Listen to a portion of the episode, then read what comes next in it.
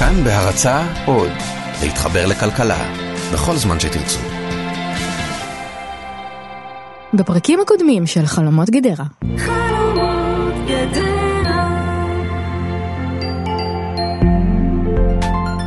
אני מסתובב במה שיהיה שכונה עתידית די גדולה. יש פה רחובות, פשוט אין, אין את השכונה עצמה. אנחנו לא נערכנו מבחינה תכנונית שהדירות האלה יהיו גם בדיוק ה-fine tuning של מה שהזוג הצעיר צריך. גדרה זה לא יהיה. אני- אני בתור אה, גדרתי. לעתיד, אני אגיד, כן, גדרה זה. בשבת, זה נושא רגיש. הבנתי. חלומות גדרה. חלומות שחולמים עליך. בחלום. כמה דירות גן יהיו? כמה חדרים בדירות גן. היי, אתם על חיות כיס, הפודקאסט של כאן כלכלי. אני שאול אמסטרדמסקי. ואני צליל אברהם. והפרק של היום הוא הפרק החמישי בסדרה שלנו חלומות גדרה. הסדרה שעוקבת אחרי הזכייה שלי בזכות לדירה בגדרה, במסגרת תוכנית מחיר למשתכן של שר האוצר משה כחלון. מה, מה קורה באמת עם הדירה הזאת? אז זהו, שמה ששמעתם בהתחלה היה קטע מתוך כנס שארגנה המועצה לזוכי מחיר למשתכן במתנ"ס גדרה באיזה ערב אחד באמצע חודש ינואר. דירת ארבעה חדרים תהיה בערך 108 מטר מרובע פלוס 13, 14, 13. רגע, זה כבר הכנס הזה שהקבלנים עושים שנייה לפני שהם נותנים לכם לבחור דירה? לא, לא, לא, זה לא זה. זה, זה מין כנס כזה שהמועצה עצמה ארגנה אחרי שהיא שמה לב שהזוכים מתחילים להיות, איך אני אגיד את זה, עצבניים קצת, כי בכל זאת ההגרלה שזכינו בה נפתחה בחודש יוני, וההודעה על הזכייה הגיעה באוגוסט, וכל מיני אנשים התחילו לקבל הודעות זכייה נוספות, וחלק ביטלו, אז אחרים קיבלו הודעות זכייה. בקיצור, היה בלאגן ולאנשים היו המון המון שאלות, אז המועצה ארגנה כנס והביאה את כל האנשים הרלוונטיים, גם מוועדת התכנון, גם מהקבלנים, שינסו לענות על כל השאלות האלה. כמובן שברגע שאתם... רגע, רגע, רגע, לא קיבלנו תשובה. נענה, האינטרס של האנשים פה לצורך העניין, מבחינתכם שהחברים שלכם שיושבים לידכם, שיבטלו לפניכם, אתם אתם רוצים לשאול אותי מה האינטרס, אבל... אה, כשיושב ראש ועדת התכנון המחוזית, רון מוסקוביץ' עלה לדבר, תודה רבה לראש המועצה. אני מתכבדת להזמין את יו"ר הוועדה לתכנון ובנייה, מר רון מוסקוביץ'. זה נשמע לרגע שאו-טו-טו מחלקים פה כבר היתרי בנייה לבניינים ומתחילים לבנות. אני רוצה לומר לכם, א', שתהיו רגועים, שהטווח של הוצאת ההיתרים הוא בהחלט, אה, כמו שאמר יואל, על ציר של החודשיים הקרובים, יהיו כאלה שיקבלו בשבוע הבא, ויהיו כאלה שבעוד שבועיים, וכל אחד עם הקצב שלו של העלייה על הקרקע, אה, אבל אה, אנחנו נמצאים מאוד קרובים, אז זה בצד הלוחות זמנים. רק שזה לא קרה עדיין. למה? האמת, אני אפילו לא בטוח עד הסוף מה קרה שם מאחורי הקלעים. אני רק יודע ששנייה אחרי הכנס הזה, רגע לפני שהתוכניות שלנו היו אמורות להיות מאושרות בוועדת התכנון המחוזית, הקימו פתאום ועדת תכנון מקומית לגדרה. ואז הכל נתקע. והם דוחים ישיבות, ולא נותנים היתרים, ולא נותנים תשובות, והקבלנים מתחילים להתייאש, והזוכים עוד שנייה פשוט באמת שורפים את קבוצות הוואטסאפ, אל תשאלו. אז בזמן שהבירוקרטיה הגדרתית עובדת שעות נוספות, רציתי שנדבר על משהו אחר. ובשביל לדבר על זה, צריך לחזור אחורה בזמן לתחילת שנות ה-80, לפתח תקווה, היכן שאני גדלתי. בואו ונחזור לפתח תקווה. גרנו סוג של במרכז העיר כזה, ולהורים שלי הייתה רק מכונית אחת. רנו חמש קטנה, כחולה, משומשת כזאת, שהייתה נכנסת למוסך כל שבוע שני, ותמיד אחד ההורים היה בלי רכב, ולכן היינו הולכים המון המון ברגל. אבל ממש, המון ברגל. הלכנו לשוק ברגל, הלכנו לסופר ברגל, הלכנו לחוגים ברגל, הלכנו לבנק ברגל, תמיד ברגל. ומקסימום היינו חוזרים באוטובוס. ככה זה היה. הכרתי כל כפל וכל תו ברחוב חיים עוזר וחובבי ציון וברנדה והס ואחד העם והרצל. גם אני גדלתי בערך ככה, במרכז הוד השרון, קראו לזה הזרמתיים. הייתי הולכת עם חברות ברגל לחוגים ולסרט וכל זה. עד שיום אחד זה נגמר. בפברואר 98 באה משאית גדולה ולקחה אותי ואת כל המשפחה שלי לצורן, פרבר חדש בלב השרון ליד גוש תל מונד. היו שם שורות על שורות של בתים דו-משפחתיים זהים, לבנים עם גגות אדומים, וזהו. באותו רגע כאילו הפכתי מבחינת ניידות מילדה בת 12 לילדה בת 6. הייתי צריכה שיסיעו אותי לחברים ולחוגים, שיקחו אותי לקניון בצומת הקרוב אפילו כדי לקנות עיפרון. זה נראה לי מוזר אז, אבל היום זה רגיל לגמרי. מאז הפך להיות אורח החיים הנפוץ של מעמד הביניים בישראל. אורח חיים פרברי. 21% מהישראלים חיים היום בפרברים, ולרבע מהמשפחות בישראל יש שתי מכוניות או יותר. וככה גם ייראו החיים שלך בגדרה.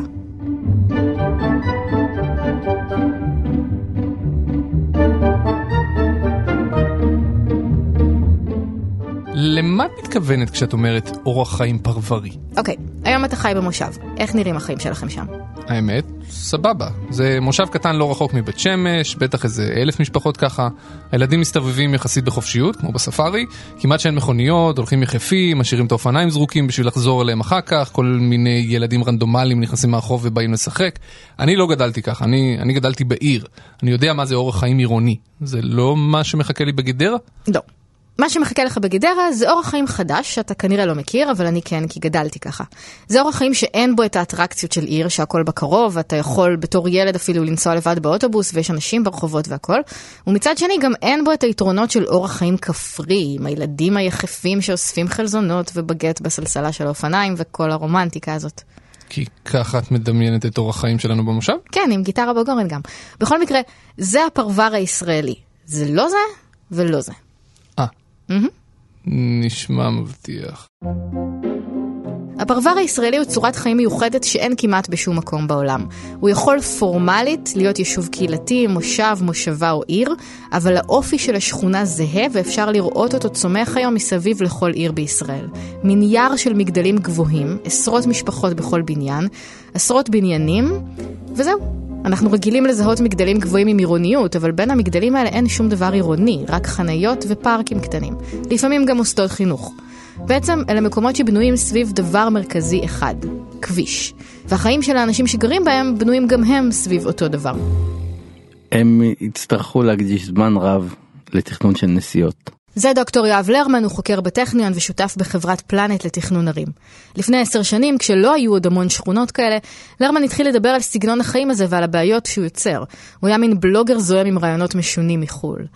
מאז נבנו עוד המון שכונות כאלה, ועשרות אלפי ישראלים עברו לגור בהם. עוזבים את העיר, עוברים מרמת גן או מתל אביב למקום שהם יכולים לממן איכשהו את המשכנתה או לפחות לקבל משכנתה. והם צריכים להמשיך לחיות. יש עבודה, היא לא איפה שהם גרים. יש מוסדות חינוך, לא כל כך קרובים. יש שירותי בריאות, גם איפשהו, וגם צריך לקנות, לקנות דברים הביתה. כל הדברים האלה, כל הדברים האלה הם לא במרחק הליכה מהבית. אין גם שום תחבורה ציבורית, נקרא לה רציונלית, במרחק הליכה מהבית, אבל צריך לחיות. מה שלרמן אומר סגר לי את הפינה לגבי שאלה שלא הייתי בטוח מה התשובה לה. למה פעם הסתדרנו כולנו בלי שתי מכוניות, והיום אנחנו כבר לא יכולים בלי? כלומר, אנחנו אישית חיים במושב מרוחק, והחיים בלי שתי מכוניות באמת נראים לי מזעזעים. אבל גם במרכזי הערים, פעם הסתדרנו עם רכב אחד, והיום אי אפשר, כי כל התכנון השתנה. מה שהיינו עושים פעם במרכז העיר, עבודה, קניות, בילויים, כאלה, כל אלה נדדו אל מחוץ לערים, ואין שום תחבורה ציבורית נורמלית שמגיעה לשם בזמן סביר, ולכן, שתי מכוניות. אבל זה לא רק זה. ועל כל מגורים כזה צריך להוסיף גם חניה שלא הייתה שם קודם. חייבים לפי החוק. חייבים, אין, אי אפשר. על זה לא יוותרו. על כל דירה על כל בישראל דירה, חייבת לפחות, להיות חנייה? לפחות. מאיזה גודל חייבים שתיים? בדרך כלל מ-100 מטר, וגם כאלה לא חסרות דירות. את- בקיצור אתה מתפוצץ עם ערימת חניה שאתה חייב לתת. אז אנחנו בונים בניין נניח עם 40 דירות ואנחנו צריכים לידו מגרש עם 40 ולידו או עוד- 80 מקומות. ולידו חניה. עוד מגרש שהיה יכול להיות לשמש כל מיני דברים אחרים, בעצם הוא לא יכול לשמש לכלום, והוא גם לא, בעתיד גם לא יוכל לשמש לכלום ברוב הפעמים. אה, והוא גם הורס לנו כל אפשרות ליצור רחוב רציף, למה? כי הבניינים לא יכולים לעמוד אחד ליד השני כבר. והתוצאה של הכמות המטורפת הזו של מכוניות, סדר יום שבנוי סביב הפקקים. זה כמו שבטיול בחו"ל כל הטיול בנוי סביב אוכל. החיים בישראל בנויים סביב הזמן שלכם בכביש. ואז מתחיל אותו תכנון אה, ומרוץ, מרוץ יומיומי להספיק. זה אומר שהאבא לפחות, שהוא בדרך כלל המפרנס העיקרי, בעצם הוא יוצא מוקדם, הוא יוצא מוקדם מאוד, בדרך כלל לפני שאר בני הבית. זה יכול לעבוד גם הפוך כמובן, כן? בהרבה משפחות האימהות יוצאות מוקדם מאוד בשביל להספיק לצאת מוקדם בעבודה בצהריים, לאסוף את הילדים, ואלה האבות שמפזרים בבוקר לגנים ולבית הספר. הילדים צריכים להגיע לגן ולבית ספר, האמא עם האוטו, מה? כן, היא עושה את השאטל של הגנים, עכשיו גם ההתרחשות בבוקר, ליד הרבה מאוד גני ילדים בישראל, גן ילדים שאמור להיות מרחק הליכה מהבית, שאמור להיות איזה חוויה נחמדה בסך הכל ללכת לגן כולה. כן. אז רואים את הערימת מכוניות, לחץ, גם לחץ פיזי על ההורים, כן. לחץ שגם מתרגם ל- לילדים, גם הילדים נלחצים מזה והם הרבה יותר אה, רגישים מאיתנו לצורך העניין. כל חוויית הגדילה, כן, כבר נהיית הרבה יותר לחוצה, וזה יומיומי. איפשהו האנרגיה של הישראלים נגמרת ב... בהתנהלות היומיומית שלהם.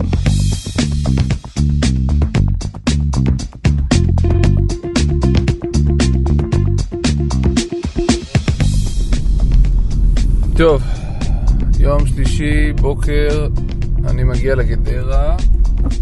אני כבר רואה שכביש 7, בדיוק מהצומת הזה של גדרה לכיוון תל אביב, עומד, פשוט פקוק, לא זז. בשביל להבין אם אני באמת הולך לעבור למקום מגורים שהוא אסון תחבורתי, מין שכונה כזו שלוקח 45 דקות בבוקר רק בשביל לצאת ממנה ולהגיע לפקק הראשי, נסעתי איזה בוקר לגדרה, די מוקדם, בשביל לראות את זה בעיניים. כן, זה לגמרי עומד. בוא נשים ווייז, נראה מה הווייז אומר. אם אני עכשיו מפה נוסע לתל אביב, נגיד. עכשיו 8.29, הווייז אומר שעה ועשר דקות, ל-9.38, אם אני עכשיו נוסע. זה בערך השעות שאני יוצא מהבית. כן, לגמרי, עומדים, עומדים. אה, הוא אפילו אומר לי להסתובב. אני צריך לחזור לכביש 7, שככה לא נסעים בכלל לתל אביב. כמה נחמד לראות שבכל ארץ ישראל זה אותו שיט. ובזמן ששאול מתצפת על מכוניות זרות בגדרה, הנה מה שהוא לא מבין. שזה לא מאוד חשוב אם יש פקק ביציאה מהשכונה או לא. כי גם אם הפקק הזה לא קיים עדיין, יהיה פקק ענקי בהמשך הדרך. בטוח. כי מה עשינו באותם 15 שנה ו-20 וגם קצת יותר? המשכנו להרחיב את הכבישים, מהמם. עכשיו הגדלנו את כביש החוף בחבצלת למשל, באזור ההוא ואנחנו נגדיל עד חדרה. מה זה עושה אותה הגדלת כביש? היא בעצם משחררת עוד קיבולת של מכוניות בכביש. כן. זה מאפשר לפתח יותר קרקע למגורים יותר רחוק מהמם. ממקומות ה... מהמקומות הפנימיים של המטרופולין של אוקיי. תל אביב. והם בעצם יצטרכו לנסוע יותר קילומטראז' כל יום ולהצטרף לכל אלה שעברו קודם. וגם אלה שעברו קודם מצבם מורע כי הרחיבו את הכביש מאחוריהם ובנו מאחוריהם. אז כולם ביחד ככל שעוברת השנה ועם כל טקס של הרחבת כביש את יודעת שהגדלת את הפקק. תגידי, איך בעצם הגענו למצב הזה? ממש, ממש, ממש בכוונה. כל הצרות שאנחנו חווים היום נובעות בעצם לא מחוסר תכנון או מחוסר ידע או מחוסר מודעות תיאורטית או חוסר מקצועיות או תנאי חירום וכדומה, אלא להפך מתוך מחשבה יתרה וכוונה יתרה בתכנון ולכן הפרויקט הישראלי, זאת אומרת אני מדבר על ישראל כעל פרויקט תכנוני או פרויקט אדריכלי. זה צבי אפרת. שמי צבי אפרת, אני ארכיטקט, אה, חוקר ארכיטקטורה.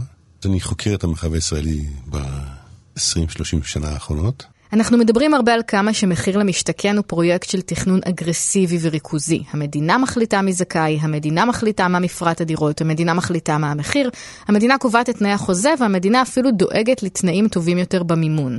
אבל האמת היא שבתוך ההיסטוריה הייחודית של מדינת ישראל, אין בזה שום דבר יוצא דופן. צבי אפרת מופיע גם בסאלח פה זה ארץ ישראל, הסרט והסדרה, והוא מספר שם איך תכננו את עיירות הפיתוח במיקומים אסטרטגיים מבחינה ביטחונית, ואז פיזרו שם בכוח את כל האוכלוסייה. נכון, ובאיזשהו מקום, חלומות גדרה וסאלח הם חלק מאותו סיפור. למרות שלא נראה לי שמישהו יכול להעלות אותי על אוטובוס לגדרה באמצע הלילה ופשוט להשאיר אותי שם. לא, אבל תחשב על זה ככה, היית פעם בטוסקנה? כן. או בפרובנס? לא. בדרום ספרד? כן. ונכון שאתה נוסע שם בין העיירות, אז אתה נוסע בכביש צדדי, והכביש הזה מוביל אותך מכפר לכפר. נכון. בישראל זה כמעט אף פעם לא ככה. בדרך כלל יש כביש גישה, וממנו יש עוד כבישי גישה קטנים, ובקצה של הכביש יש מושב או קיבוץ, ושם הכביש נגמר. הוא לא מוביל באופן נינוח כזה למושב הבא, אלא צריך לצאת החוצה, לחזור לכביש הראשי ולהיכנס. וזה, מסביר צבי אפרת, נוצר כי את מה שהתפתח במקומות אחרים באופן טבעי, עיר גדולה, עיירות מחוז וכפרים קטנים שמקיפים אותן, פה ניסו לבנות בבת אחת באופן מלאכותי. ככה נוצרו עיירות הפיתוח ושרשרות של מושבים לאורך הערים, גם בצפון, גם במרכז, גם ביהודה ושומרון וגם בדרום. וככה נוצרו גם מרכזי הערים הקטנות יותר, והשכונות והפרברים שלהן. בכל מקום כזה, המדינה קבעה מי יגור, כמה הוא ישלם ואיך יראה הבית שלו. שיכונים זה, זה שם גנרי לפרויקט עצום של בנייה של מגורים, מגורי קבע אה, בכל הארץ. בתוך השיכון הציבורי הזה יש המון סוגים שונים של פרויקטים, חלקם אגב זה המדינה, חלקם זה בכלל ההסתדרות שעושה, חלקם קשור לתנועות פוליטיות מסוימות, חלקם זה קשור, זה קורה באמת במרכז הארץ, לקבוצות פריבילגיות מסוימות, אנשי צבא, אנשי משטרה, לפעמים אפילו לפי חלוקה אתנית, לפעמים שיכונים לאקדמאים. לא רחוק מכאן יש לנו כאן שיכון לאקדמאים, או אפילו שיכון אנגלו-סקסים. תחשבי שהיום היינו קוראים לשיכון שיכון אנגלו-סקסים. במשך עשרות שנים ראשי ממשלה ושרי שיכון דאגו שאם הם לא יעשו את זה, אם הם לא יפזרו את כל האנשים בכל מיני עיירות ויישובים קטנים, אז כולם יעברו לגור בערים הגדולות, בתל אביב בתכלס. וזה עלול היה להיות לא טוב מבחינה ביטחונית. זה נכון לגבי שדרות למשל, אבל זה נכון גם לגבי צורן. היישוב הזעיר בורגני המפונפן שגדלת בו? כן, כי שיווקו אותו כיישוב איכות חיים, אבל מה שבאמת קרה הוא שבשנות ה-90 באה עלייה גדולה לארץ והיו צריכים לבנות הרבה בתים. ואת הבתים האלה החליטו לבנות לאורך קו התפר, כי מאוד הטריד את הממשלה שבאזור הזה יהיה רוב ערבי. זו נקראה תוכנית שבעת הכוכבים. וככה הוקמו צורן, בת חפר, מתן, אלעד ואפילו סמל איכות החיים מודיעין. אף אחד לא חשב שם על איכות החיים של המשפחה שלי ועל ההורים שלי שיצטרכו לעמוד שעה וחצי בפקקים כל בוקר. אוקיי, אבל איך זה קשור לגדרה? גדרה הוקמה ב-1884 על ידי הבילויים, עולי העלייה הראשונה, לא היו אז ועדות תכנון. תשמע את זה. כל המדינה כולה תמיד מתוכננת, זאת אומרת זה תמיד מלאכותי. אז זה היה המלאכותיות של אז, והיום זה המלאכותיות של היום. אה, כמובן, עם הזמן, דברים מקבלים את האיכויות שלהם, ונראה שהיו כאן מאז ומתמיד, אבל לא. פשוט את עכשיו רואה את האדריכלות התאגידית הזאת, ואת הבנייה לגובה, וזה נראה לך מלאכותי כי זה פשוט בין הזמן שלך. אבל ככה היה תמיד, עכשיו אנחנו פשוט קופצים בקנה מידה, כי אנחנו צריכים להגיע ל- לצפיפויות יותר גבוהות. כלומר, פתח תקווה או רחובות או גדרה הן מתוכננות ו... לחלוטין. לחלוטין. אין שם שום דבר אורגני, זה לא שבאו שם כמה חלוצים והקימו חוות, ולאט לאט הם צמחו, לא. השכונה החדשה בגדרה לא שונה ממודיעין ומצורן, וגם אם מועצת גדרה הייתה רוצה להתפתח באופן אורגני ולבנות משהו אחר, עירוני יותר, היא לא הייתה יכולה, בגלל תקנות שתי החניות לכל דירת 100 מטר, שלרמן דיבר עליהן קודם.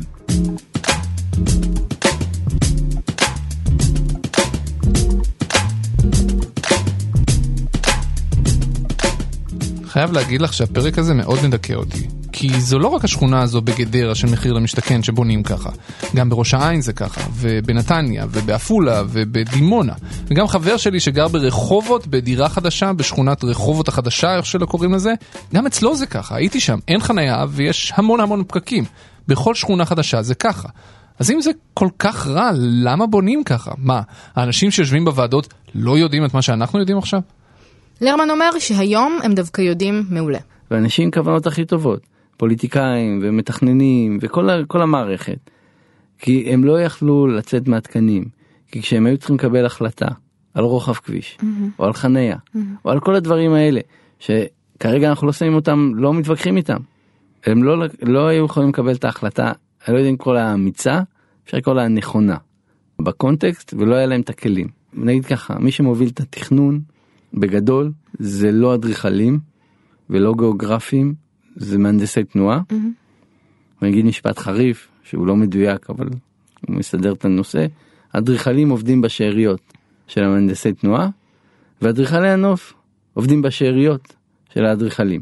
זה קצת כמו להכין נקניקייה, אתה מכניס משהו, יוצא משהו, אתה מקווה שזה לא מורעל. זאת אומרת, כן, בניגוד ללפני עשור, היום האנשים שיושבים בוועדות התכנון יודעים את כל מה שדיברנו עליו עכשיו. הם מבינים את הצורך בעירוניות ובתחבורה ציבורית וביכולת ללכת ברגל.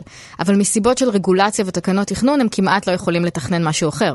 ואם הם רוצים, זה גוזל מהם המון מאמץ והמון זמן. וזמן אין לנו. תוכנית מחיר למשתכן היא תוכנית בלחץ. כמו שבנו את כל הפרברים בשרון שדיברת עליהם אחרי העלייה של שנות ה-90, גם אז זה היה בלחץ. וכשבונים מהר מהר בלחץ, מתעלמים מכל דבר חשוב. מאיכות הסביבה, זה מובן מאליו, אבל גם מהפקקים שיבואו, ואפילו מבעיות ניקוז שיצוצו בכל גשם קצת יותר מדי חזק בחורף. הם קודם כל רוצים לשחרר לשוק כמה שיותר דירות, ולעזאזל עם כל מה שיקרה לתושבים אחר כך. הלחץ הפוליטי עושה את שלו. בטח כששר האוצר הופך את זה לתוכנית דגל, הכרטיס המרכזי שאיתו הוא רץ בבחירות. אגב, דווקא הפרויקט הספציפי שאתה זכית בו בגדרה הוא דווקא כן פרויקט שמנסה טיפה לפתור חלק מהבעיות האלה. זוכר את כל הדיון ההוא על הפיצה אצל ראש המועצה? יש כל מיני אנשים שחוששים נגיד מפיצריה והדירה אז אני אגיד לך למה מה, הקבלן? שלנו... למה איפה אתה פיצריה- פיצריה תהיה שם, אנחנו מקווים זה שתהיה שם. זה לא מובן מאליו. ב-90% מהמקומות לא תהיה פיצה שכונתית. יהיה מרכז מסחרי ויהיה צריך לנסוע עליו באוטו ולמצוא חנייה ורק שם תהיה פיצה. זו התחלה של עירוב שימושים, של דירות שבנויות מעל חנויות ומרכזים מסחריים. אבל זו עדיין רק התחלה. אלה לא החיים שהיו לנו בתור ילדים שהולכים לכל מקום ברגל. ומה שלרמן אומר זה שגם אם לכולם יפלו כל האסימונים ויבטלו חצי מהתקנות, עדיין זה לא שמחר נבנה בישראל עוד פריז.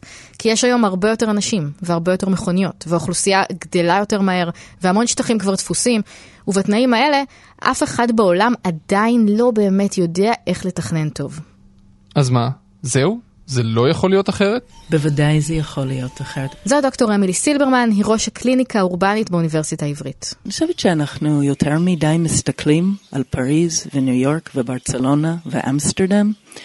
בואו נסתכל שנייה על עיר שבונה בקצב שבו אנחנו בונים ושיש לה מגבלות גודל כמו אצלנו. העיר סינגפור. סינגפור זה לא המקום הזה שאסור בו ללעוס מסטיק ברחוב ואחרי תקבל מלקות או משהו? כן. ומה שאמילי סילברמן אומרת זה שכיוון שאנחנו תופסים את סינגפור כמקום רחוק ודיקטטורי ששונה מאיתנו מאוד, אנחנו ממשיכים לחפש פתרונות באירופה, וקשה לנו להבין ששם נמצא המודל. אבל הם עלו על משהו. בסינגפור, אומרת אמילי, כל שכונת מגורים היא מעין ריבוע שיש בו בתים, מסחר, פארקים ומוסדות חינוך. הצלעות של הריבוע הן קווי תחבורה ציבורית, ומקיף אותו אזור של תעסוקה ותעשייה. באזור הזה של התעסוקה יש בנייני חנייה, והתושבים משאירים את האוטו שלהם שם לפני שהם נכנסים לשכונה. ככה יש להם מרחב נעים שאפשר ללכת בו ברגל. וכשבונים שכונה חדשה, ממשיכים את אותם צירי תחבורה קיימים מהשכונה הקודמת. המפתח הוא לתכנן את זה ביחד. שכונות חדשות אמורות להיות כמו חרוזים שמתחברים למה שכבר קיים. זה בדיוק הטעות. אם אנחנו בונים אותם לאורך הכבישים ולאורך הר- הרכבות, תחשבי, אז הם מחוברים לעיר. תחשבי על חדרה עד חיפה. יש רכבת שעוברת חדרה עד חיפה. אם השכונות החדשות היו לאורך הרכבת, ויותר גבוה, יותר קרוב לרכבת, ויותר נמוך ככל שמתרחבים ממנו, אז לוקחים את העיר הקיימת ומותחים אותה החוצה, בקווים הגיוניים. יש לאמילי עוד רעיונות נהדרים. למשל, תחשוב שבונים ריבוע כזה של מגורים, וממקמים את המעונות והגנים של הילדים בקומות הקרקע של חלק מהבניינים. זה כבר חוסך פקק אחד, את הפקק של הפיזור בגנים בבוקר. בסופו של דבר, מה שחשוב לדעת כדי להחליט אם לעבור לגור בגדרה או לא, זה לא מהי גדרה, אלא מהו הפרבר הישראלי, וזה רלוונטי לכל זוכה מחיר למשתכן ולכל מי שנרשם להגרלה החדשה שנפתחה החודש. יש בישראל שלוש צורות חיים, עירונית, כפרית ופרברית. אורח החיים הפרברי הוא אורח חיים שגדל בקצב עצום. הוא כמעט היחיד שניתן לבנות, וכמעט היחיד שניתן לקנות אם אתה במעמד הביניים. בשביל כל דבר אחר, כפר או עיר, צריך להתאמץ הרבה יותר. יופי צליל, דכדכת את כולנו. אני חושבת שאם הדור דווקא שלך יתחיל להגיד, חשוב לי הזמן, אני לא מוכן, לא מוכנה שעה בבוקר להקריב בפקק, אני לא מוכנה להקריב את השעה אחר הצהריים להקריב בפקק, אני רוצה את הילד שלי לאסוף מהגן ולשבת איתו בנחת, לא רוצה להכניס אותו לסטרס בשעות הבוקר, והמשמעות היא לא חיים בכפר, המשמעות היא שהעיר שלי מאפשרת לי לגדל את הילדים ולחיות את החיים שלי בלי להישאר ברכב כל היום. עם המגע עם טבע, עם החיבור לקהילה, אני חושבת שהכל ישתנה. אני כבר היום מגיע, מאמינה שזה בא מכם. חלומות גדרה